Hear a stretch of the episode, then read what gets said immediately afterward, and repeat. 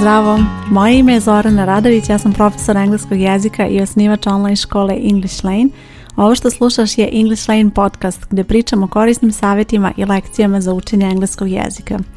U ovoj epizodi pričat ću o tome kome je najteže da nauči engleski jezik. Ovo što ću danas pričati nije zasnovano na nekom istraživanju ili na nekim dostupnim činjenicama, već predstavlja moje mišljenje na osnovu sada već više od 12 godina iskustva i nešto što sam ja došla do zaključka i na osnovu velikog broja polaznica sa kojima sam radila. Želim da sa tobom podelim kome je najteže da nauči engleski jezik po mom mišljenju i možda će se pronaći u svemu ovome, ali moja namera nije da kažem tebi da ne možeš da naučiš engleski jezik, daleko od toga, već želim da ti dam priznanje da jeste tebi teško i da ti je sa razlogom teško ako ti je teško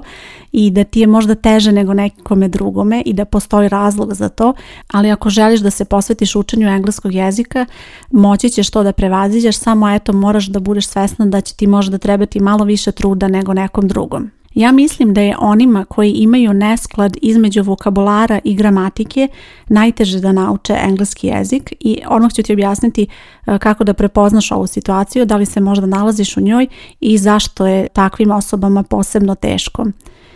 Kod nekih ljudi kako napreduju sa učenjem engleskog jezika stvara se sve veći nesklad kada je u pitanju vokabular i gramatika i to je uglavnom u korist gramatike.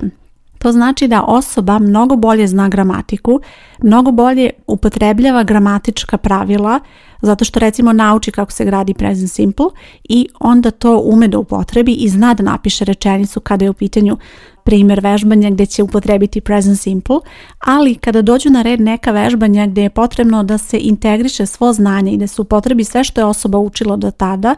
posebno kada su u pitanju reči, odnosno izrazi, kao što su izrazi sa predlozima, frazalni glagoli, tu dolazi do velikih problema. Do ovoga dolazi iz dva razloga. Prvi problem je to što su pojedini programi često fokusirani na gramatiku i gramatika jeste važna jer bez gramatike nećeš moći da sklopiš rečenicu,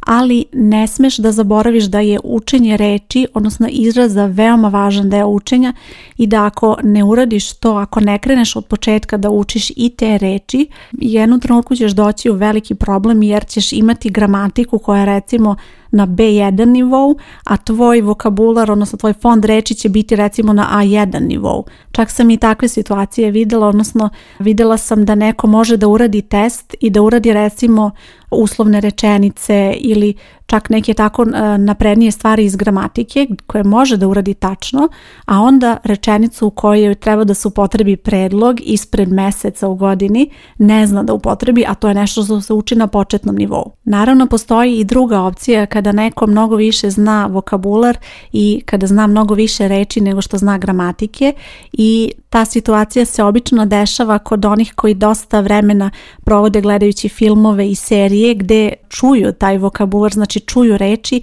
i zapamte ih, ali imajući u vidu da ne znaju gramatička pravila, da nisu pohađali kurs, onda njima predstavlja problem da upotrebe te reči na pravilan način, odnosno da ih uklope u rečenicu.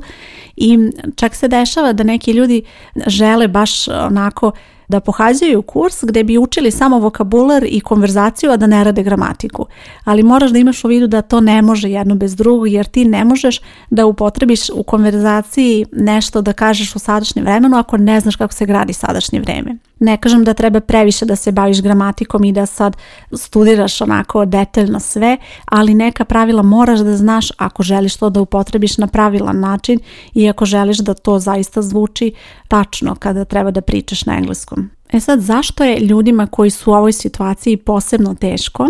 Zato što su to ljudi koji su već završili verovatno neki kurs, već imaju neko znanje i ne žele da se vrate na početak. I s jedne strane potpuno razumem to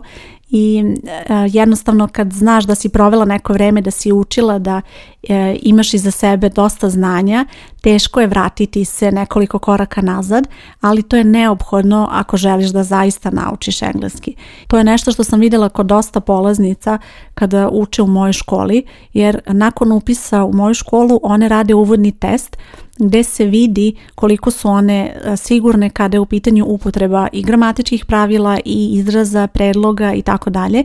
I dešava mi se recimo da polaznica super uradi gramatička pitanja, a da ne zna da uradi neke stvari kada su u pitanju nove reči, kada su u pitanju predlozi, upotreba članova i tako dalje. E sad, da ne bi došla u ovu situaciju, vrlo je bitno da razmišljaš o tome kako učiš engleski jezik i šta je tvoj fokus. Vrlo je bitno da učiš i gramatiku i vokabular ravnomjerno, da se trudiš da praktično primeniš sve što učiš, jer kroz te praktične zadatke ti vidiš da li si nešto uspela da naučiš ili ne. Recimo ako primetiš da konstantno vrtiš iste glagole, iste reči koje pišeš u rečenicama, onda vidiš da postoji malo nesklad, da bi trebalo malo više reći, da znaš u tom trenutku i to znači da moraš da se malo vratiš, da više se fokusiraš na reči, da vežbaš kako da i njih koristiš u rečenici i da možda u tom trenutku gramatika onako može da bude na pauzi, da sačekaš malo sa gramatičkim lekcijama, a da malo više učiš vokabular, odnosno nove reči i kako da ih koristiš u rečenicama. Također je bitno da kada učiš nove reči,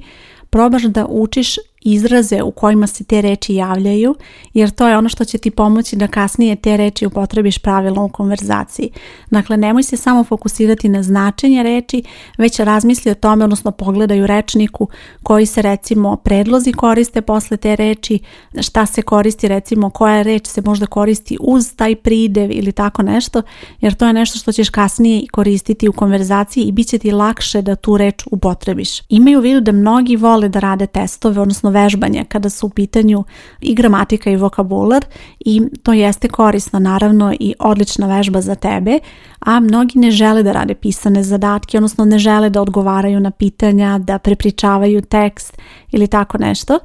Ali to je neophodno jer ti ako samo uradiš vežbanje, odnosno samo uradiš test, ti ćeš imati znanje koje je ok primenljivo u toj situaciji, ali kada treba da upotrebiš to u konverzaciji, bit će ti malo teže jer konverzacija nije takva gdje ćeš imati ponuđene odgovore, nećeš imati već definisanu rečenicu gdje samo treba da dodaš neki izraz, već ćeš morati sve sama da smisliš i zato je bitno da ti od početka učiš i radiš na takav način, da od početka radiš takve zadatke koji će ti omogućiti da stičeš polako tu samostalnost u konverzaciji čak i od početnog nivoa. Također su zadaci odlična prilika da kombinuješ sve što učiš jer da bi napisala nešto na engleskom odnosno da bi kazala nešto na engleskom ti moraš da upotrebiš sve što si učila i tu nećeš biti u situaciji da koristiš samo gramatiku, već moraš da koristiš i reči i zato će ti to pomoći da sve zajedno koristiš i da mnogo bolje savladaš sve i da ne dođeš u ovu situaciju da imaš taj nesklad između gramatike i vokabulara. Ako si se prepoznala u ovoj priči i ako si već u ovoj situaciji, ako prepoznaješ da postoji problem kod tebe, da postoji taj nesklad između gramatike i vokabulara, nemoj da očajaš pre svega, nemoj da dižeš ruke, znači nije to sad kraj sveta, znači ne, ovo ništa ne znači da nećeš naučiti engleski jezik, već jednostavno bit će ti teže i to zato što moraš da nadoknadiš to što si propustila. To znači da ako si recimo sa gramatikom otišla mnogo dalje, stigla do B2 nivoa, a reči, odnosno način na koji možeš da upotrebiš to svoje znanje i dalje stoji na A1, A2, odnosno na nižem nivou, to znači da ćeš morati da se vratiš na neki kurs koji je niži, koji je, da kažem, ispod tog trenutnog nivoa kada je u pitanju gramatika. I to nije ništa loše i to je nešto što ti savjetujem da uradiš, čak iako možda u nekom trenutku će tebi delovati možda čak i kao gubljenje vremena, jer bit će dosta stvari koje će se ponavljati, koje si ti već učila, recimo u okviru kursa ćeš možda vidjeti lekciju Present Simple i e, razmišljaš o tome, ja pa ja znam Present Simple, kako se gradi, znam ja sve nastavke, do, does i to, ali razmisli o tome da li znaš kako da upotrebiš Present Simple, da li znaš zašto se koristi Present Simple, u kojim situacijama, da li možeš da upotrebiš da opišeš svoj dan i na koji način bi to uradio iako ćeš se vratiti možda da uradiš neke lekcije koje si već prešla i koje će ti možda biti lakše, bitno je da se fokusiraš na ono što ti nedostaje, a to je vokabular, odnosno reči i izrazi naravno. I također je bitno da se fokusiraš da iako si recimo u situaciji da možda moraš da obnoviš neke stvari, Razmisli da li si ih zaista tako dobro naučila, da li samo znaš e, pravila da ih tako upotrebiš na nekom testu ili stvarno znaš da ih upotrebiš ovako. I to će ti dati neku novu perspektivu kada treba da učiš, kada imaš situaciju da kažem ponovo učiš present simple i da kažeš sebi da znaš neka pravila, probaj sada da malo proširiš sliku i da vidiš da li zaista možeš da upotrebiš to u samostalnoj konverzaciji da ti sama nešto kažeš, odnosno opišeš. Biće ti teže zato što će ti trebati više strpljenja i više motivacije zato što moraš da se vratiš, ali ako želiš da napreduješ sa učenjem engleskog jezika, to je neophodno jer u principu nećeš moći mnogo da nastaviš dalje ako postoji taj veliki nesklad. Jer jednostavno čak i zamisli da ideš dalje, da si naučila vremena, da kreneš da učiš i pasiv, ali bit će toliko primjera koji će tebi biti zbunjujući, u jednom trenutku ćeš osjetiti da nemaš dovoljno sigurnosti i ili ćeš odustati od učenja ili ćeš uraditi ovo što sam rekla, znači vratit ćeš se na neki kurs koji je možda ispod tvog nivoa gramatičkog sada u ovom trenutku i malo se više fokusirati na to što ti nedostaje. Ovakva situacija u kojoj dođeš da imaš neke rupe u znanju i jednostavno očekuješ neki kurs koji će ti pomoći samo da zakrpiš te rupe na neki način je apsolutno nemoguća jer ne postoji takav kurs koji će da isprati rupe koje su kod tebe nastale kada je u pitanju učenja engleskog jer naravno to je individualno za svakoga i ne može ne postoji nešto što će ti na neki ubrzan način pomoći u tome već moraš da se vratiš na neki kurs koji si možda već završila ili možda na neki kurs koji nisi ni pohađala, ali znaš, vidiš da ti fali to i da moraš da se vratiš i moraš da shvatiš da te rupe u znanju, odnosno nesklad između gramatike i vokabulara je nastao iz razloga što ili nisi imala dobar fokus kada si učila ili si pohađala kurs koji nije dovoljno dobro koncipiran u smislu da se previše fokusira na gramatiku, a premalo na reči. Znači postoji jedna i druga varijanta zašto se to desilo, ali ako se desilo, e,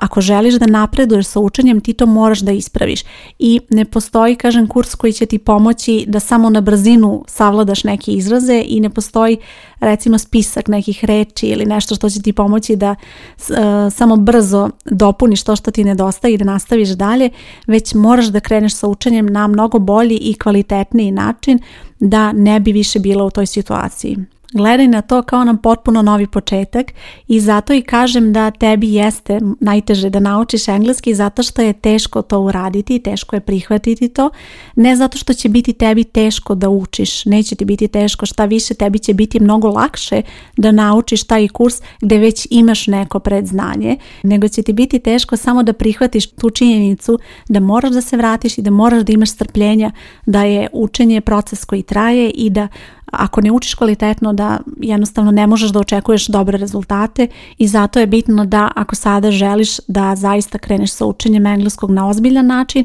moraš da to uradiš tako što ćeš se vratiti na neke aktivnosti i sada učiti sa mnogo boljim fokusom. Ova situacija je i meni dosta problematična i nezgodno mi je kada imam polaznicu koja je u toj situaciji da ima nesklad između vokabulara i gramatike. Ja lično bih takve polaznice savjetovala da krenu od početnog kursa. Ako znaju da postoje neke nesigurnosti, jednostavno to je mnogo bolje rešiti zaista onako kvalitetno od početka učiti, iako će neke stvari iz gramatike možda biti poznate, ali nije uvek lako objasniti ljudima da moraju da se vrate nazad Postoje naravno ljudi koji očekuju da, ok, završili su neki početni nivo i žele da idu dalje i prosto vide to kao blokadu neku za njih, ali to nije uopšte u tome pojenta. Pojenta je da ako ti želiš da napreduješ, ti moraš da prepoznaš tvoje nedostatke, odnosno da prepoznaš da li imaš nesigurnosti i da onda to kažeš profesoru sa kojim radiš ili u toj školi gdje pohađaš program da probate da rešite to na najbolji način. Ja sam imala polaznica koja je sama rekla za sebe, uh, ok,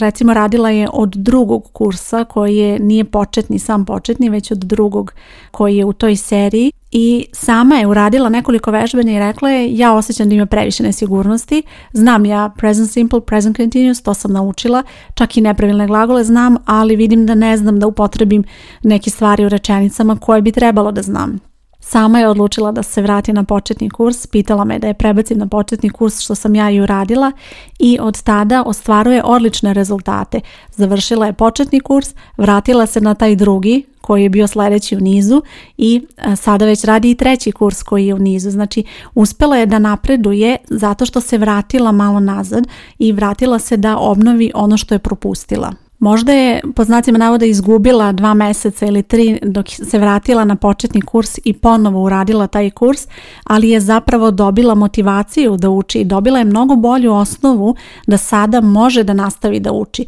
Jer da je ostala na tom drugom kursu koji je trebala eto da uradi na osnovu tog uvodnog testa, verovatno ne bi učila ovoliko dugo jer ne bi imala dovoljno dobru osnovu i pre ili kasnije bi stigla neke stvari koje ona ne ume da uradi, odnosno nema sigurnosti da bude samostalna kada su u pitanju konverzacija, kada su u pitanju vežbanja sa vokabularom i tako dalje. Bez obzira da li si u ovoj situaciji, da li imaš ovaj nesklad između vokabulara ili gramatike ili nemaš,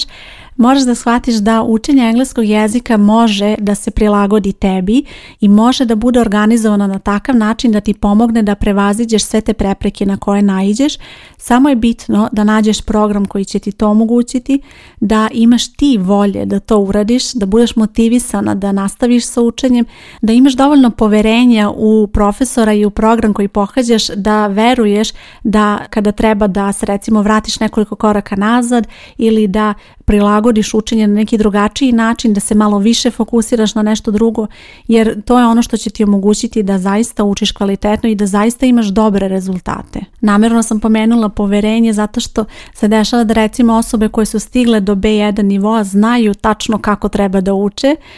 što nije uvek slučaj ipak moraš da imaš mnogo više iskustva kada su u pitanju i cela struktura jezika, pa i metodika i to jest način na koji se usvaja, odnosno uči jezik, da bi mogla sama to da definišeš i bitno je da ako to ne možeš da uradiš, a mnogi to zaista ne mogu da urade, treba da potražiš pomoć nekoga ko će ti pomoći da organizuješ program i da napraviš neki plan koji će zaista moći da bude pre svega izvodljiv, i koji će napravljen, biti napravljen tako da nema tog nesklada između vokabulara i gramatike. Ukoliko se nađeš u toj situaciji da postoji nesklad između vokabulara i gramatike, bitno je da shvatiš da to nije nerešiva situacija, samo je situacija kada moraš da imaš malo više strpljenja za sebe i da shvatiš da moraš da se prilagodiš malo bolje tom programu koji će moći da ti pomogne pre svega da obnoviš nešto i to znači da ćeš možda uložiti malo više vremena, ali ćeš na duže staze ostvariti mnogo bolje rezultate i moći ćeš da iskoristiš to vreme koje provodiš u obnavljanju, da iskoristiš da stvoriš mnogo bolju osnovu i da budeš mnogo spremnija za naredni nivo koji te očekuje kada u pitanju učenja engleskog jezika. Kao što sam i na početku rekla, nekim ljudima jeste teže da nauče engleski jezik i ja sam prepoznala ovu grupu ljudi kao onima kojima je posebno teško baš zato što im je potrebna ta promena u stavu. Potrebno im je da shvate da moraju da se vrate iako možda to ne žele i zato im je teže, ali bitno je da shvatiš da bez obzira u kakvoj se situaciji nalaziš kada je u pitanju učenja engleskog jezika, ako želiš da učiš i ako želiš da napreduješ, postoji rešenje za tebe i možeš prilagoditi učenje sebi, samo probaj da nađeš način, odnosno program koji će tebi to omogućiti. Ja sa mojim polaznicama radim u okviru programa koji su dostupni u okviru moje škole. U pitanju je English Lane online škola. Ja sam autor svih kurseva i kurseve sam napravila tako da je vrlo bitan taj sklad između gramatike i vokabulara, da nikada neće biti previše lekcije iz gramatike koje će te sprečiti da koristiš vokabular. Tu je dostupno i mnogo aktivnosti koje su pre svega praktične, odnosno napravljene tako da ti pomažu da koristiš sve što učiš, ne samo gramatiku već i reči i zato je bitno da radiš i sve te aktivnosti koje su dostupne u vidu raznih zadataka, interaktivnih vežbanja i tako kurseve sam tako napravila da ne možeš stalno da napreduješ a da i da ideš dalje a da imaš rupe u znanju to jest to se odmah vidi na nekom od testova ćeš slabije uraditi jer je sve međusobno povezano sve se međusobno nadovezuje i ako si nešto propustila ako nešto nisi dovoljno dobro naučila to će se odmah vidjeti kroz sledeće zadatke i natarat će te bukvalno da se vratiš odnosno da odmah to ispraviš da bi mogla dalje da napreduješ sa mnogo više sigurnosti. Ukoliko te zanima više o učenju u mojoj školi i kako funkcioniše učenje na tim kursevima, predlažem na ovoj stranici gdje slušaš podcast da potražiš link ka školi ili potraži English Lane online škola i tu ćeš pronaći sve informacije o tome kako funkcioniše učenje i kako možeš da se prijaviš i postaneš član. Nadam se da ti je ova epizoda pomogla da razmisliš o načinu učenja i da li je to dovoljno kvalitetno, da li je efikasno i da li vodiš računa o tome da ne praviš taj nesklad između gramatike i vokabulara. Hvala ti što slušaš podcast, ja sam Zoran Radović i čujemo se uskoro. Ćao!